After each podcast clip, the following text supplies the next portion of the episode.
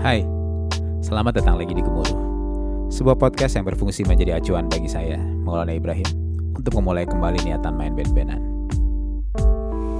Untuk yang satu ini intronya mungkin agak panjang. Gak apa-apa kali ya. Kali ini saya berkesempatan untuk ngobrol, atau lebih tepatnya jumpa fans dengan Andika Surya. Teman lama saya yang juga merupakan salah satu musisi idola saya. Dika, biasa ia dipanggil, dikenal sebagai gitaris dari grup musik kencang paling indah yang pernah saya dengar, Alice. Dika juga dikenal sebagai sosok di balik nama Collapse, wakil indie rock yang sangat berbahaya namun tiba-tiba hilang tanpa kabar. Pertengahan 2018, di tengah gemilangnya tanggapan para pendengar dan pemerhati, Collapse tiba-tiba mati suri. Sementara Alice, yang pernah reuni untuk satu panggung di setahun setelahnya, juga entah gimana kabarnya kini. Di sesi ini mungkin saya lebih banyak memohon pertanggungjawaban dari Dika dan meminta dia kembali merilis karya musik baru. Selebihnya kami hanya ngobrol seperti teman lama yang biasa hanya bercengkerama via pesan pribadi di Instagram. Sesi ini juga akan terbagi menjadi dua bagian. Minum air putih dulu sebanyak-banyaknya. Sudah? Kalau sudah, selamat menikmati. Halo Dika. Nando. Kita kapan terakhir ketemu ya? Physically? Dua tahun ada sih ya? Enggak sih, lebih sih kayaknya. Lebih dong. Tiga deh yang bener. Iya tiap 15 tiap itu. 16 16 juta. Iya, jadi Lama, lama lumayan lama nggak ketemu. Masih keep Iya. in touch di dunia maya. aja sosial gitu. media. Hmm. Terima kasih Instagram. Iya dik, jadi gini, kan saya kan lagi band lagi. Terus kemarin Oh ya? ngobrol sama Oh, orang-orang, wah, gili. Terus kemarin ngobrol sama orang-orang, dia bertanya ke sat, sa, ke sini situlah dari aneka ragam perspektif dan angle gitu. Ada yang jadi nanya komponen-komponen itu masih sama nggak gitu dengan ngeband 5-6 tahun lalu kan terakhir saya main band aktif bermusik teh 5 tahun 6 tahunan lalu lah gitu Hmm. yang yang nggak terlalu ke mana-mana juga tapi ya menjalani hobi Mm, menjalani apa eh, meng- mengalokasikan waktu sebanyak-banyaknya untuk main musiknya terakhir 5-6 tahun lalu. Nah pas belakangan mau mulai lagi kayak ini teh ini apa, apa aja ya yang harus saya tahu. Sebenarnya percakapannya pengen ngomongin itu di kayak ngeband lagi tuh harus ngapain sih gitu. Cuman ya kita mulainya mah dari ini dulu kali ya perkenalan ya. Alright. Jadi kalau yang dengar atau nonton eh, seperti saya mungkin mengenal Andika Surya atau biasa dikenal dengan Dika tuh adalah eh, punya moniker namanya Collapse Eh, proyek proyek atau ya intinya mah outlet musiknya dia salah satunya Yes. gitu. Eh, udah rilis eh, EP Given terus beberapa rilisan fisik juga, bikin kaset juga, bikin plat juga dan masih Yes. aktif juga sebagai eh, gitaris dari salah satu unit musik paling unit musik kencang yang paling mengasihkan yang pernah saya dengar namanya Alice. Dikirain unit musik berisik. Hmm, unit unit musik berisik yang paling asik bernama Alex. Nah, kan? Rhymes kan. Ya. Itu yang yang kedata di saya kalau based on research mah kan dua itu dik atau mungkin kamu jangan-jangan sekarang lagi menyiapkan sesuatu yang nggak ada yang tahu gitu. Boleh diceritain dari sisi kamunya enggak? eh di luar dua proyek itu sih kebanyakan bantu bantu band orang sih. Maksudnya kayak terakhir itu si Near Crush kalau ada yang pernah dengar Ya. bandnya Rambo, Rambo, Deadless, Deadless eh, sama Aldi Kentang. Hmm. Aldi Kentang tuh ex-nya Jolly Jumper. Terus sama siapa sih personal yang lainnya saya lupa. Cuman additional drum untuk beberapa eh nggak beberapa satu track eh, buat eh, EP mereka gitu. Latest mah itu sih cuman sebenarnya ada lagi lagi rehearsal gitu lagi latihan ada satu project baru bukan Alice bukan Collapse. Jadi ini saya beberin aja kali ya di sini gitu ya. Sebenarnya si Alice dan si Collapse teh eh, Alice itu bisa dibilang vakum. Setelah kemarin reuni anjir lucu pisannya habis reuni habis vakum reuni vakum lagi what the fuck gitu kayak lu teh maunya apa anjir gitu. Sangat disayangkan harus vakum lagi dengan segala eh, apa ya lika-likunya lah dinamika di dalam ya tau lah ngeband Hmm. beda kepala beda isi dan lain-lain.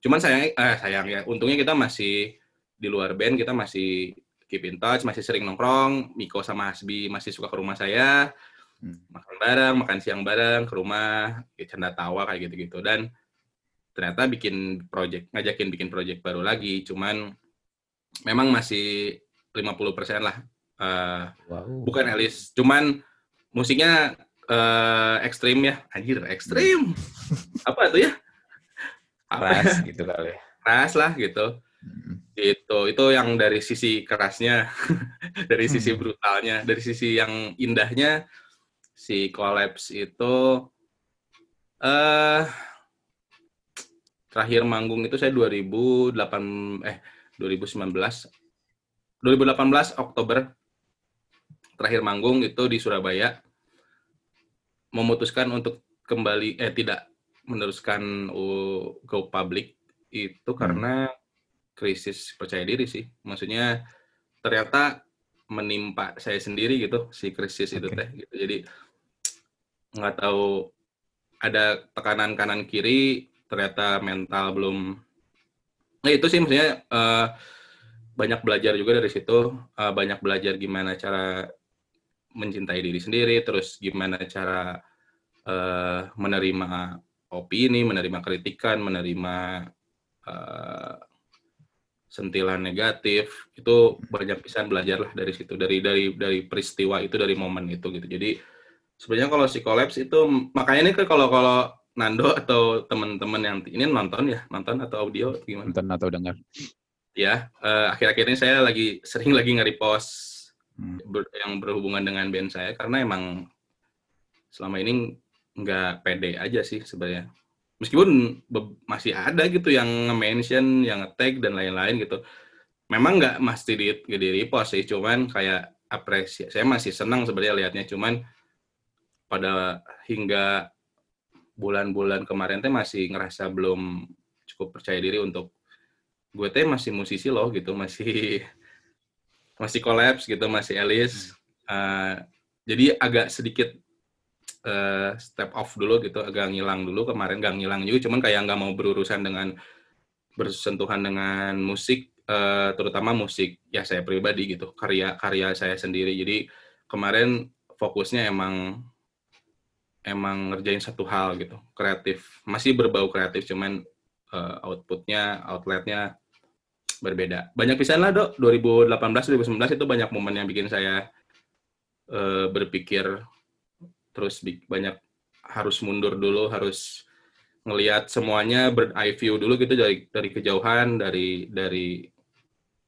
ya step back dulu lah kemarin-kemarin tuh gitu. Jadi banyak pisan uh, teman-teman dekat gitu yang kayak lagi dong lagi gitu. Cuman si hati itu belum belum belum mengizinkan gitu. Bahkan istri sendiri pun kayak kapan tuh yeah. asa gitaran wae gitu. Asa gitaran di kamar wae bikin jadi bikin lagu mah bikin lagu gitu. Cuman nggak berani come out ya nggak nggak berani keluar gitu. Kayak sok atuh tuan wae terus sama istri teh sok atuh udah bosen kayaknya dia juga ngomong gitu yeah. sok atuh gitu.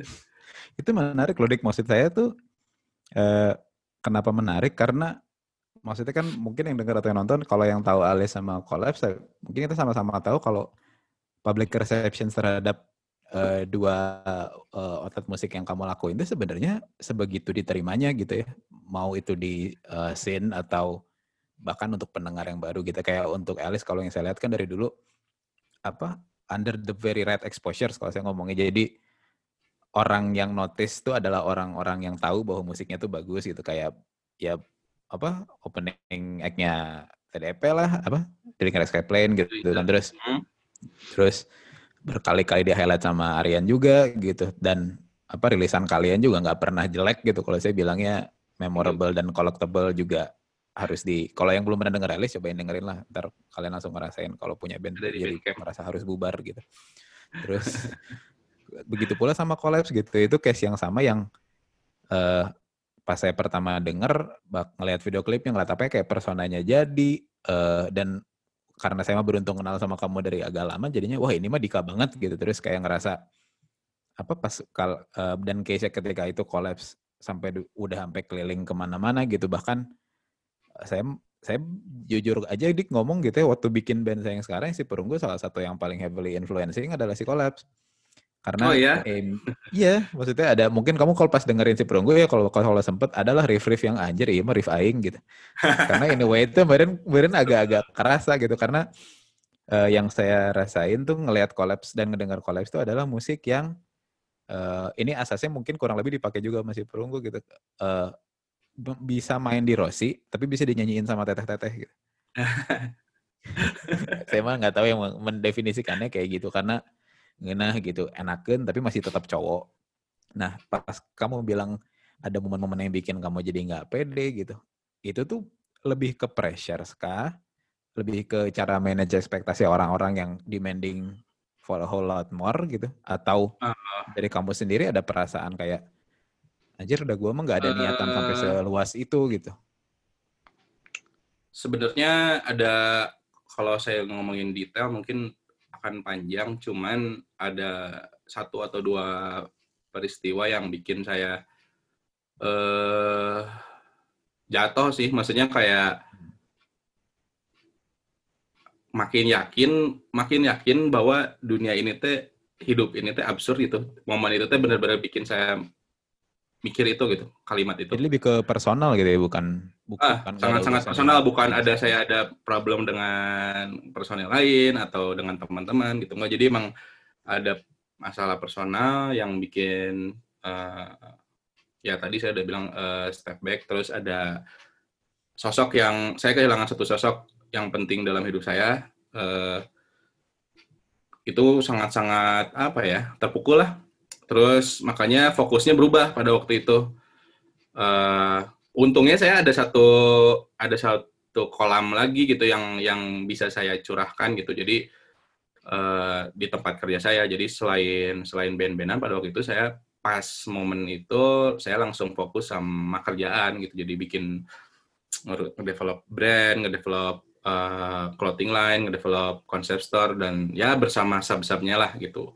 Itu teh sangat membantu. Jadi eh, healing prosesnya di situ eh, dan saya teh sangat-sangat into banget. Jadi karena penghilang dari si musiknya gitu dari sosok Alice atau dari si Collapse-nya karena saya into banget sama dan ya maksudnya healing itu saya di situ gitu. Jadi sibuknya di situ, fokusnya di situ, terus semuanya dicurahkannya di situ. Jadi kalau yang ngikutin gitu ya, kalau yang ngikutin eh, saya dari Alice ya, kalau ada itu juga Ada dari ya. Alice atau dari Collapse, saya sekarang platformnya berubah gitu ya, dari musik menjadi sandang gitu ya, Hmm.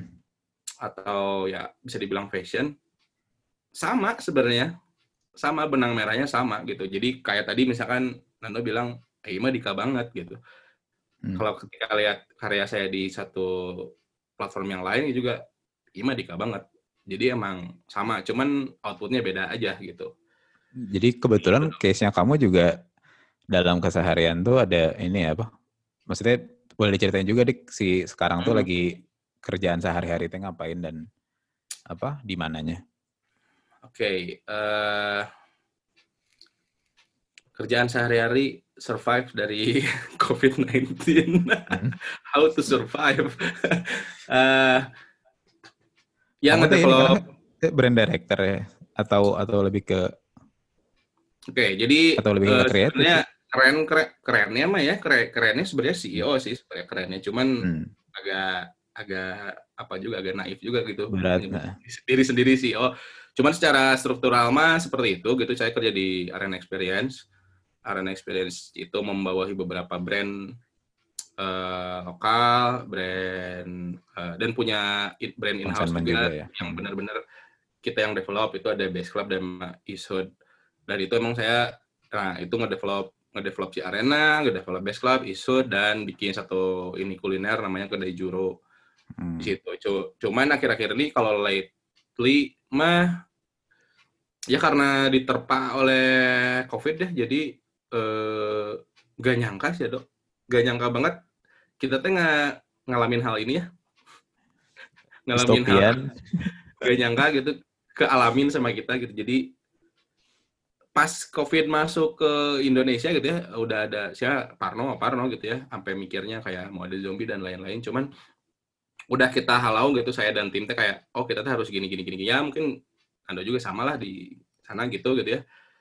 Tapi ternyata impactnya tuh sampai ke hal-hal remeh juga ngaruh gitu, nggak yeah. nggak nggak kepikiran sampai ke hal itu gitu kayak kirain yang level A doang ternyata ke sampai ke level Z teh ini si COVID-nya sampai ke sini gitu si impact. Nah, sekarang teh lagi bebenah itu aja sih, Dok. Lagi bebenah remeh-remeh yang hancur itu di sampai level bawah itu di bebenah lagi, uh, pemulihan lagi, uh, terus ya memproduksi karya-karya lagi gitu.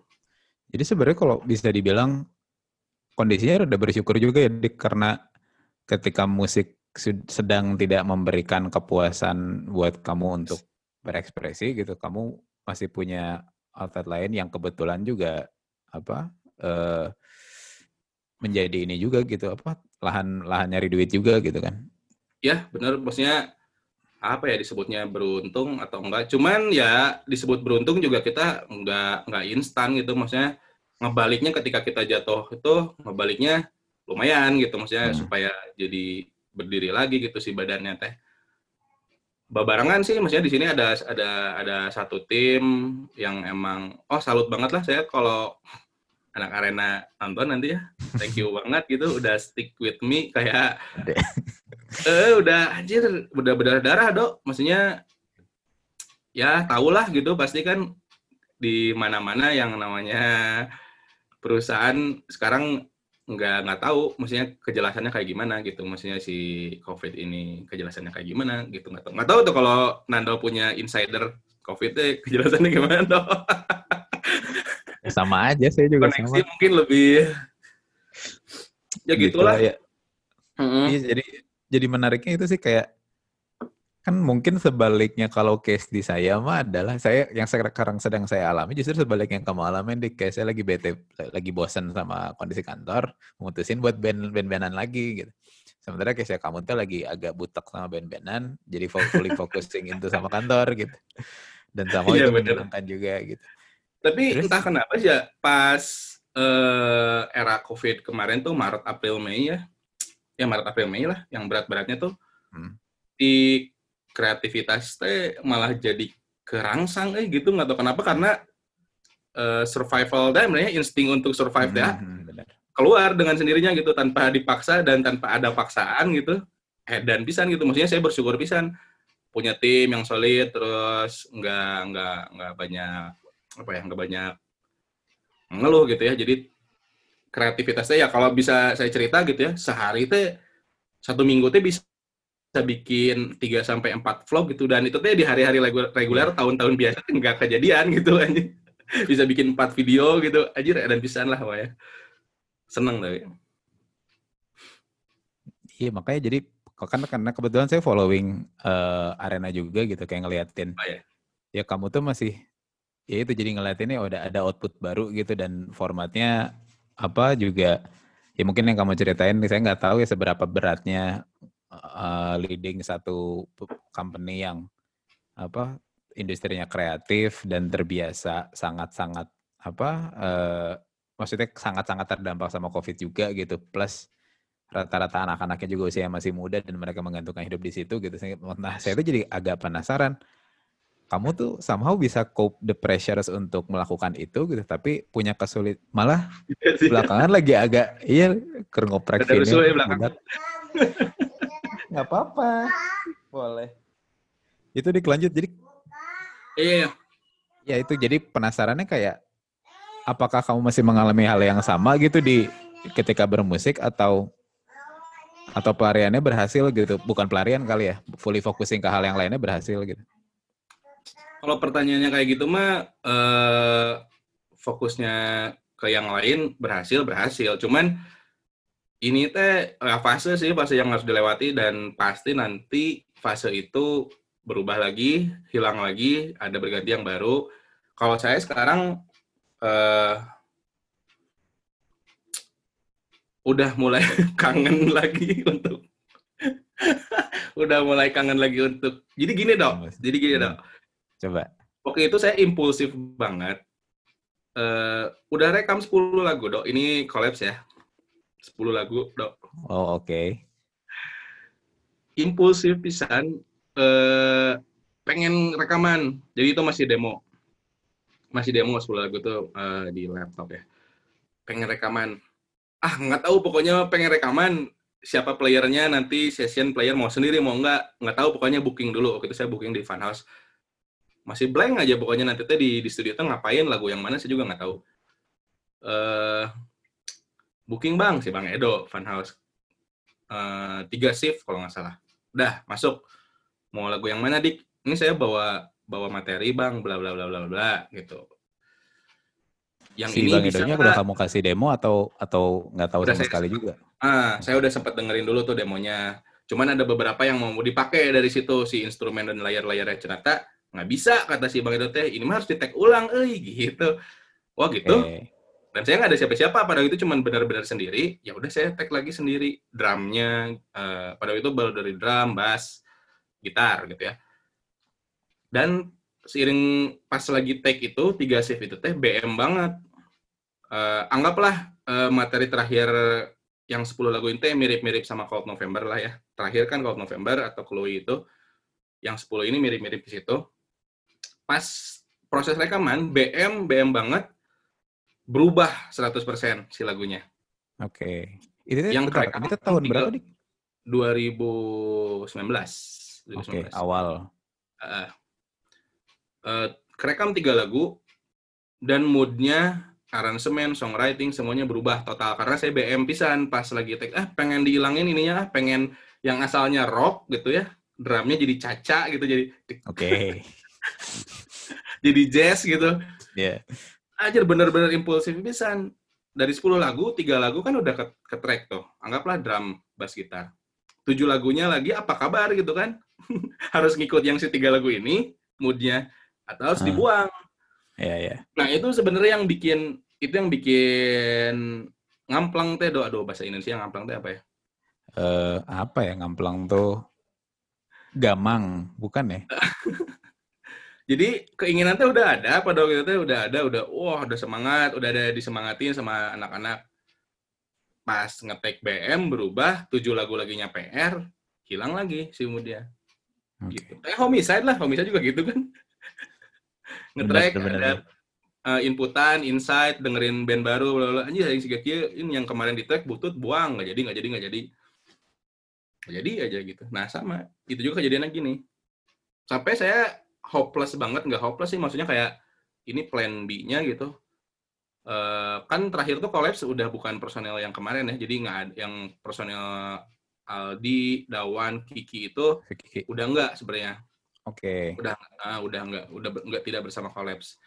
Pada waktu itu saya telepon Aldi sama impulsif juga lagi di jalan tol lagi di Cipularang gitu tiba-tiba pengen telepon hmm. Aldi aja dia apa kabar? Bla bla bla. Mau nggak ngeproduserin collapse yang baru? Gitu. Hmm. saya kasih. Emang kayak gimana dik? Ini masih nyambung sama yang tiga lagu tadi yang BMT iya yeah, iya saya dengerin aja kayak gini dit. Eh dit. Kayak James Blake. Kayak James Bagus, Blake, kayak, kayak Thundercat, pokoknya ngaco lah. Oke. Okay. ya pada waktu itu ada yang datang waktu saya rekaman itu, Elang, Elang hmm. Polyester. Waktu saya rekaman yang tiga lagu itu teh. Di preview tuh sama Bang Edo tiga lagu. Tas si Elang gegedek terus hmm. mual dik ya mah mual cina. Maksudnya mual teh enggak tuh maksudnya ini enggak siap orang-orang teh untuk menerima ini teh okay. bagus menurut Elang tuh bagus katanya tapi orang teh nggak akan siap dari kolaps yang kemarin ke sini gitu. Jadi saya langsung nah. Ya, oke okay sih. Nah itu, itu berarti matters jadinya buat kamu kayak omongan bahwa musik yang kamu bikin tuh apa? Kamu bisa jadi ini tuh sebenarnya kamu jadi ngerem gara-gara ngedengar orang bilang kalau ini musiknya nggak sama kayak kolaps gitu. Itu berarti Bentuknya Bukan beda beda gitu? beda soal itu, beda soal. Oke. Okay. Yang yang yang 2018 itu Oke. Okay. Uh, 2019 itu kalau yang kemarin Elang mungkin bilang itu saya uh, terima sebagai opini Elang dan ya itu mas saya menerima gitu. Hmm. gitu. Tapi nasibnya gimana sih lagunya bakalan dikeluarin kan nantinya atau kamu beneran rework 100%? Gimana tuh ya? Saya mau nanya sama kamu juga. Nanti boleh tuh saya dikasih denger dikit ntar. Malu ya. Jangan-jangan. Nah Iya. kan gitu dah saya mah. Nah. Oke, saya mah suka heran dik kayak gimana ya itu sih. Saya tuh suka ini mah ini kayak apa ya percakapan-percakapan sama ya ini kan semenjak semenjak apa hijrah ke Jakarta dan main band di sini terus mulai ketemu sama orang banyak di sini gitu yang into musik juga gitu. Pas ngobrol-ngobrol tuh pasti namanya collabs tuh pasti kesebut gitu loh somehow kayak eh oh Bandung? Kenapa kan saya memperkenalkan diri kayaknya kan sebagai eh, lahir dan tumbuh di Bandung gitu. Oh Bandung Udah kenal tahu sama siapa? Bandung dah ya. Hmm, baru Dix gitu kan. Terus saya bilang oh ya oh kenal sama collabs oh iya kenal sama Hills gitu gitu terus pertanyaan tuh kayak oh si collabs ke mana nih? Apa kabar? Gitu. Maksudnya kaum publik Jakarta dan publik ibu kota dan ngeliat beberapa mentionan beberapa kayak dari tadi iseng ngeser saja di Twitter ada beberapa orang mention collab itu masih rame gitu. Oh, gitu? Kadang ya itu iya, kamu kalau misalkan lagi apa ya, krisis kepercayaan diri search itu aja lumayan rada boosting kali dikit-dikit. itu ternyata ya maksudnya saya jadi bingung gitu. Eh sebenarnya tuh faktor apa faktor eksternal tuh sebegitu berpengaruhnya kan sama sama seberapa pedenya kamu buat releasing materi-materi baru gitu. Nah ini sebenarnya jadi agak tracing back ke apa beberapa tahun sebelum collab kali ya, Dik. Mhm. Ketika pertama gitu, mungkin kalau yang nggak tahu juga Dika tuh dulu sempat berapa lama ya Dik di restrain? Aduh. Restrain itu 2009 eh masih SM, kelas 3 SMA 2009 sampai 2013 gitu ya. Jadi kalau Oh. bisa dibilang bisa dibilang restrain tuh Eh, enggak, enggak, sorry. Enggak, enggak 2009, 2005 sampai 2009. Yes. jadi bisa dibilang benar bisa dibilang kalau restrain itu adalah outlet pertama yang sangat kayak expose nggak buat kamu gitu urusan musik. Oh iya. jadi jadi sama sih sebenarnya saya dulu penonton juga, maksudnya penon eh, ini pintunya di gerbang itu dibukain sama kakak saya. Kakak saya itu dulu dia nongkrong dan jaga di satu distro di Bandung. Distro tertua di Bandung namanya Rayatik. Hmm. Waktu itu di dari zaman 181 eh, Simpang Dago sampai ke yang di Dago eh, nomor berapa saya lupa. Jadi selalu diajak sama kakak saya gitu. Kakak saya ya kerja di sana terus dikenalin sama sosok-sosok skena pada waktu itu. Hmm. Terus dari kecil saya emang tuh ada darah musik musisi itu dari ayah saya. Ayah saya emang sampai sekarang sampai detik sampai detik ini ayah saya ma- masih main band. Masih main band, masih manggung, masih manggung, masih ngajar. Nggak ngajar teori, cuman mengiringi mengiringi yang ngajar. Terus dari situ tertarik ngeliat pertama main gitar tuh tertarik lihat ayah sih. Tertarik main drum, per, ah, ngeliat kakak gitu. Oke. Tapi kayak kan kalau waktu kecil mah kayak drum lebih keren gitu ya. Dugdag dugdag jadi pengen main drum. Ketemulah sama teman kakak saya tuh, teman-teman restrain tuh teman-teman kakak saya jadi mau nggak audisi waktu itu masih audisi sih di Jawara Studio. Oke, Jawara. Jadi lagu disuruh cover apa coba dong? Poison Well, Oh iya, ketebak. Slice, Prep, Slice Paper Wrist. Oke lah, Oke. apa di luar kepala itu drumnya dari saya SMA teh udah apa tahun 2001 2002 teh saya udah denger itu. Pas jamming eh, audisi bisa tuh nakona asa kurang Oke. tarik gitu teh dari jeda Iya. suara-suara belakang teh dok Iya. suara-suara belakang oh pressure keras. pressure ini abang-abangan. gitu. abang-abang ayo harus keras akhirnya keras akhirnya ya udah jalan sama si restrain tuh gitu jadi ya gitu sampai 2009 lah Itu berarti sempat rilis apa ya, Dik? eh satu album jadi pas saya masuk tuh si materi buat EP itu udah ada jadi saya cuma eh, ngehafal terus manggung pakai materi itu sama rekaman nerusin. Jadi rekamannya drummernya saya. Materinya udah ada jadi saya tinggal ngikutin. Sempat bikin lagu bikin lagu baru pas zaman saya tuh. Si lagu itu udah kayak ya saya senang pisan lah pada waktu itu kayak Mystery Signal sih. Jadi lagi seneng senengnya eh progressive metal gitu. Metal metallic hardcore pada waktu itu. Hmm. Mystery Signal. Cuman sayang aduh sorry terap sayang keburu cabut terus ya nggak tahu udah reform gitu ya si restrain ganti-ganti personel dan lain-lain sih. Kemarin baru follow-follow lagi sama Ucok. Oke. minggu lalu itu follow-follow. Si Ucok nge-posting foto restrain tapi dia nggak ngetek nama saya karena nggak nge-follow nggak tahu kan dikasih tahu masih Nah. Ami Ami nudis. Nih ini akunnya follow eh si Ucok. Kayak kene si Ucok eh. Itu tuh itu kan Oh. kayak mungkin kalau publik Bandung se-aware itu sama restrain dengan satu video klipnya yang diputar terus di Ziggy Wigi gitu. Nah itu Ziggy Wigi dan Itu yang- reaksi dan reaksi Bandung TV gitu. dan jadi main drum home kamu bandnya kan? laga dok dok Oh iya benar. Oke, band laga ceritain. dok seminggu sekali manggung di laga pasti ya edan sih itu guys weekend teh saya udah kayak eh, di sana teh udah musisi kafe gitu ya. eh, kayak musisi kafe gitu gitu Iya, ada di video klipnya kok, benar dok. Iya. Jadi yang main drum di Ya. situ tuh sebenarnya Dika. Jadi kalau siapa tahu ada yang nggak aware kalau baru baru tahu Dika tuh main gitar atau nyanyi gitu di collabs, malah awal-awal beken ya mah dari main drum dulu kan ya sebenarnya. Tapi sebenarnya, nah nyambung ketika geser ke Alice, ceritain dikit dong Dik. Karena saya kan Oke. taunya dari aneka ragam versi gitu ya. Eh band Taruna Bakti tiba-tiba pecah terus mulai masuk satu dua tiga orang gitu atau apa awalnya Miko terus ada Samsu dan lain-lain gitu. Nah, Oke, sebenarnya ini dari eh, source-nya sama dari tongkrongan Riotik juga.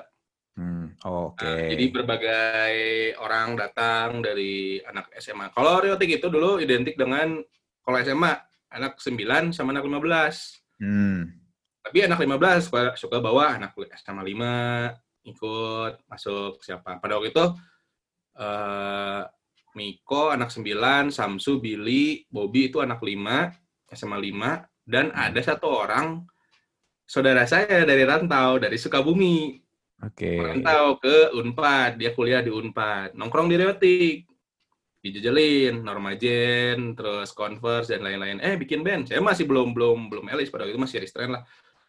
Bikin band pada waktu itu belum ada band yang ya chaotic itu gitu, belum Brutal. ada. Jadi mm-mm. Saya bisa kenal sama eh, mereka teh karena ya bisa dibilang itu pada waktu itu di bawah saya umurnya eh, Hmm. anak-anak Elis tuh. Karena ada saudara saya itu si Angga. Si Angga Oke. itu gitaris pertamanya Elis. Nah, si Angga keluar karena dia harus kerja di bank, lulus kuliah, kerja di bank di Sukabumi, balik lagi ke Sukabumi. Otomatis dong legasinya Dik mau nggak standar ya dulur ke dulur teh Dik Hmm. mana weh gitu. Ah, anjir. ya udahlah, dah sama suka juga gitu maksudnya ya suka Oke. Normagen kayak gitu-gitulah. Ya udah jalan pas kebetulan jalan materi untuk album Konsorsium Humaniora. Hmm. Itu langsung di situ rekaman. Itu jadi jadi ini keingetan tadi yang kamu omongin dua dua jenis apa ya dari dua case bahkan ketika sama restrain atau sama Alice dua-duanya itu ketemu di tongkrongan ya dan dan di case kamu adalah tongkrongannya distro Yes. dan di media itu tuh emang kayak gitu ya nggak sih? Saya lagi saya lagi tracing back. Kayak pernah ngelihat eh, Ating nongkrong di apa namanya tuh? Distro di atas ya Anonim. Anonim. Ya. jadi ke anonim tuh ngelihat ada Ating gitu. Oh wah ada Ating eh gitu. Dulu kan pas eh, Alon atas baru nyala. Terus kayak ngelihat tongkrongan anak band tuh adalah distro pada saat itu. Sama pernah ketemu beberapa rocket rockers juga gitu di area bawah Ya. batuan distro area bawah batu. Terus itu kayak apa ya eh sama kalau comparing sama kondisi sekarang kan itu kayaknya udah hampir nggak bakal kejadian gitu ya. Kayak nongkrong dan jadi bikin band tuh kayaknya udah bukan bukan lagi menjadi jalur yang preferable gitu kayak belakangan mah ya udah wes sosmed gitu ya. Ya, jadi percaya atau nggak percaya, Dok, dulu itu kalau saya tadi tracing back itu yang punya koleksi lengkap CD original itu cuma satu orang pasti dalam satu satu tongkrongan. Ah, I see. Kalau zaman kalau zaman Dago eh, Riotik Dago Simpang itu yang punya akses CD original itu Eben Burger Kill.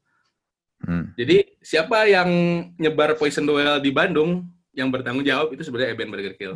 Fun fact. Karena dia punya CD originalnya. Saya fotokopi, kakak saya fotokopi di di apa namanya di bukan di Di backup. reburn gitu ya. Ke kaset. Oke. Dari CD ke kaset. Tapi si sleeve-nya CD. Oke. Tapi etana kaset. Stretch tag. gitu. Duel, terus eh, Save the Day, uh, banyak lah hardcore hardcore apalagi ya Yacht of Today dan lain-lain mah udahlah itu mah cuman yang pada waktu itu iya ya band keren Poison Well tuh ya band terus kayak pindah ke Riotic Dago atas itu Ajis Blind Tusi hmm. uh, yang bagi-bagi inzin gitu ya terus kalau dulu mah dok tiap hari Rabu ada diskusi diskusi. Okay. Diskusi diskusi formal gitu kayak nongkrong terus ngomong uh, serius. Enggak jadi uh, ngebahas gitu. ngebahas misalkan dari ya, emang beneran nggak ada internetnya emang nggak ada gitu. Jadi uh, di luaran sana teh ada apa gitu. Jadi si source-nya cuman itu Zen, majalah, ya Zen bener yang DIY itu, terus majalah sama hmm. CD. Dengerin bareng. Okay. Ini teh band Strike Edge dari misalkan dari mana gitu terus ini teh hmm. mereka ngeluarin album terus si Eta teh bikin pergerakan peta bla bla bla bla bla bla bla bla bla gitu. Oke. Okay. iya jadi sama Pak Ketu ya, tuh Pak Ketu juga.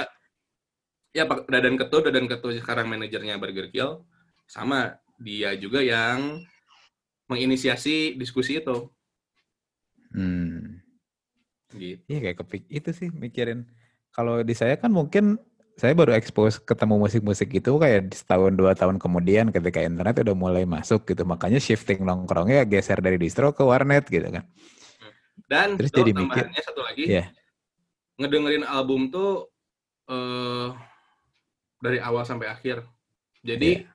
kalau sekarang album itu cuman menjadi background ketika kita kerja. Atau menjadi playlist yang isinya satu lagu satu lagu satu lagu dari berbagai band dari berbagai artis kalau dulu mau nggak mau harus ditamatin dari awal sampai akhir. Itu kenapa hatam banget gitu, maksudnya part drumnya hatam, terus part gitar hatam, semuanya lah. Karena emang punya CD baru, misalkan apa ya dulu Avenged, Waking the Fallen. mm-hmm. Avenged, Avenged Sevenfold datang teh, wah anjir itu bener-bener mengubah tongkrongan lah. Jir, naon dia metal yeah. tapi tapi ada Catchy, celah, tapi tetap uh, tapi kato, teknik, tapi gitu. rapet gitu gitu kan. Ini nawan dia gitu. Didengerin, wah ini keren. Terus itu teh seminggu teh tiap sore pasti ya diputar lagi gitu si Avenger teh itu lagi, itu lagi. Terus aja gitu. Jadi nempel. Jadi iya jadi jadi yang saya bisa ambil kesimpulan tuh emang apa ya format tongkrongan maksudnya tongkrongan bisa build karena di situ ada satu bahasan gitu dan dan pada saat di usia foto itu berarti emang musik tuh lagi semenarik itu gitu ya. Jadi kayak mikirnya ya udah tongkrongan itu ke build ketika ada satu resource yang bisa provide apa informasi-informasi baru gitu perihal rilisan dan segala macam. Gitu nggak sih? Betul. Ya jadi majalah okay. juga memang tapi sebenarnya uh, ya semoga nggak ada nggak ada aparat yang nonton ya ilegal semuanya gitu. Nggak nggak semuanya beberapa ilegal majalah terus CD cokroan gitu ya.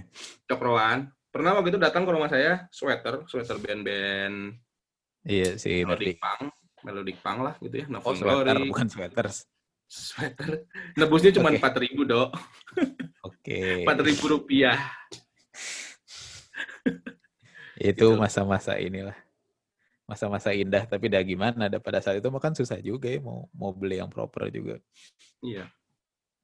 Itu jadi sama ini mungkin apa ya kalau di saya kan mungkin baru kayak expose itu adalah pada saat itu apa yang bisa apa yang pengen apa yang bikin saya pengen banget ngeband adalah karena teman nongkrong saya semuanya ngeband. Yes. Ya, itu kan kurang lebih kayaknya case yang kerap terjadi gitu di aneka ragam tongkrongan. Dan pada saat dan buah batu itu lagi lagi heavy-nya itu Interpol Block Party gitu yang udah mulai rada-rada 2000-an ya. berapa ya. Pokoknya saya imo teh nggak imo atau metalcore teh nggak terlalu expose tapi sih baru udah warnetnya Duya Media Bawa Batu tuh either post rock atau udah mulai post pang post pangan lah gitu masih agak-agak apa elegan gitu mikir karena Duya, pada saat itu Duya, Duya hmm, masih ada btw iya makanya itu ajaib nah, kayak dulu tuh setiap ngeliat folder downloads Duya tuh kan isinya adalah itu adalah apa hasil lemwayan orang-orang gitu kan kayak mm-hmm. Interpol blok party segala macem makanya jadi mulai ngebenti gara-gara itu terus ya itu sih kayak apa ya dan pada saat itu nggak tahu ya, kalau misalkan think sih nggak tahu deh ini kalau menurut kamu gimana yang kejadian pada saat itu adalah jadinya terkungkung gitu kan karena satu tongkrongan udah nih disuapinnya sama genre yang kurang lebih mirip itu aja gitu. Oh Mhm. kita cari turunannya nih si ini tuh miripnya sama apa gitu related artisnya gitu. Nah jadinya yang kejadian tuh rata-rata jadinya outputnya adalah satu tongkrongan akan punya band yang kurang lebih musiknya terdengar mirip. Betul. Kayak Ya, kayak Kejadian hmm, kalau kayak nah, kalau kayak si Bubat kan adalah either itu jadi post rock yang akhirnya yang ngelihat hasilnya jadi uh, Maritime Records dan lain-lain gitu kayak apa sih, apa indie pop gitu gitu. Nah ini tuh jadi kemarin fase ini gitu ya fase gathering references gitu apa yang lagi apa yang apa didengarkan untuk jadi asupan buat bikin musik. Ini terjadi shifting yang cukup besar di saya ketika udah zaman sekarang gitu ketika udah umur segini dan internet streaming services sebegitu banyak. Hmm. jadi uh, ini kan pas pas kemarin mulai jadi pas cerita dikit saya pas mulai ngeband lagi sama anak-anak tuh pertanyaan pertama ini mau mainin apa nih? Jadi dimulainya adalah dengan booking studio aja yuk gitu. Iseng aja Hmm. gitu. Booking terus eh kita jammingnya lagu apa? Karena si anak-anaknya yang saya- kita semua tahu bahwa kita tuh ngedengerin sebegitu banyak musik apa heavily exposed dengan si aneka ragam musik gitu dengerin hip hop iya dengerin apalah Hmm. rock punk funk segala macam gitu. Tapi ketika begitu megang gitar ujung-ujungnya mainnya Wizard sama Jimmy Edward gitu. Pas di situ tuh kayak anjir percuma ya gue ngedengerin sebegitu banyak musik yang nempel ujung-ujungnya pas zaman warnet juga gitu. Terus apa ya ya itu pas sampai udah kelar dimainin tapi kitanya fun tapi jadi lebih ke oh apakah ini mah sense of nostalgicnya kali ya gitu. Itu saya jadi agak nanya ke kamu juga ketika bikin Alice atau bahkan collapse gitu. Itu tuh apa faktor referensis yang datang dari tongkrongan atau sumber kamu yang sumber yang lagi nempel pada saat itu mungkin internet udah mulai masuk emang sebegitu parahnya gitu. Atau pasti kondisi collapse ketika kamu udah mulai transitioning internet udah mulai makin rame itu juga sengaruh itu nggak? Bahkan sampai kamu cerita tadi drumnya menjadi caca gitu contohnya. Oke, kalau hmm, panjang sih kalau eh, nyeritain dari apa dua apa band ceritain ini. aja Cuman saya ceri- bakal ceritain inti transisinya dari Alice ke Collapse. oke Jadi mungkin beberapa orang tahu eh, materi Collapse itu adalah materi Alice yang terbuang. Jadi sebenarnya itu Oh, adalah oke. materi eh, lagu-lagu pertama yang judulnya ah, anjing saya lupa lagu sendiri. album mana yang yang Given Yang Grief lagu kedua. oh yang Grave Nah, Habis itu itulah. lagu kedua ini pohodik maaf ya Ya itu apa saya juga anjir. Kok jadi lo yang ma- minta maaf? nggak apa-apa Bilang sebagai artisnya jadi malu. Ya jadi eh transisi antara Alice dan Collapse itu adalah sebenarnya kenapa saya bikin collapse karena banyak lagu Alice yang tidak terpakai alias kalau disimpulkan kembali kebayang nggak kalau misalkan collapse nggak ada berarti si Alice-nya akan makin pelan gitu oke makin siga Defton makin siga kayaknya saya tahu dik judulnya gitu ya. katedral katedral bukan yes katedral makin siga Tropic Road gitu dok Hmm. jadi Iya, iya. ke, ke situ arahnya gitu. Jadi dan ada rejection dari teman-teman Alice pada waktu itu. Jadi ya udahlah saya saya saya pindahin aja ke satu platform lagi gitu namanya Collapse gitu. Cuman kalau kalau tadi kasusnya kayak Nando yang misalkan udah dengerin digging lagu banyak, artis banyak ujung-ujungnya ke Wizard atau Jiu apa Jimmy Eat World gitu ya. Hmm. Pasti ada satu ya kalau kata kalau kata Motley Crue mah dek sabaung maneh ge pasti balik ke imah gitu home sweet home Oke, oke, oke. pasti ada satu nada atau satu notes atau chord yang bikin hati kamu teh bergetar gitu ya kan kalau orang Islam mah dengar Iya, oke. takbir bergetar itu Hmm. kamu juga pasti dengar chord progression ini anjir gitu sama saya juga gitu maksudnya dari zaman Bon Iver sampai zaman Tyler the Creator gitu ya saya dengerin Ah. Nah, saya mah senang story so far gitu. Pengen Oke, gitu sih iya. kalau saya kayak story so far. Jadi sebenarnya sebenarnya gimana gimana kita lagi ada di momentum mana kita teh gitu. Keinginan kita nyambung dengan sesuatu hal yang bikin kita hati kita bergerak gitu. Ces gitu. Itu kejadian di saya banget tuh story so far album terakhir apalagi kayak gitu dong. kayak lagi asli lagi scrolling lagi, lagi scrolling YouTube gitu tiba-tiba muncul sih apa judul lagunya tuh yang dia pakai kemeja Burberry tuh. Yang lagi live. Overdose. overdose proper dose anjir ta ini nih ngeband gitu kayak ciamik Yes, terus itu kan. itu kayak pak apa ya itu juga jadi sama pas bikin si perunggu tuh percakapannya kami pas di apa WhatsApp gitu atau kan biasa awalnya mah sharing-sharing link dengerin pop gitu dengerin oh ini rada-rada baru apa kali ya? Oh pop nih masih fun nih gitu. Maksudnya kayak Wizard tapi benang merahnya ujung-ujungnya balik lagi ke chord yang chord dan syncopation-nya si Tori Sofar gitu. Contohnya kayak "Ah, anjir ini nih pengen bikin lagu kayak gini. Kayak langsung nunjukin nunjuk apa ngopi gitu. Tapi ya walaupun pas udah bikin mah pasti beda kan. Cuman sama nah case-nya juga tapi apa ya saya mah ngasih tahu ke kamu juga aja Dik, bahwa si Collapse tuh peranannya kurang lebih kayak gitu juga di kami pas lagi ngeband kayak dengerin Collapse anjing wah gini nih wah gini nih. Terus semua anak-anak karena kebetulan apa yang kenal sama kamu teh cuman saya doang gitu di sekumpulan ini dan sisanya kan ya anak Jakarta mereka kayak mempertanyakan gitu ini tuh ini Bandung kan? Ke mana nih masih main nggak? Gitu. Itu tuh kerap ditanyakan tuh terus saya jadi seakan-akan jadi si Dika ke mana ya? Gitu kenapa nggak ngeband lagi? Gitu di episode berikutnya saya akan menguak pentingnya looks, gaya berpakaian, dan fashion statement dari sudut pandang Dika sebagai musisi.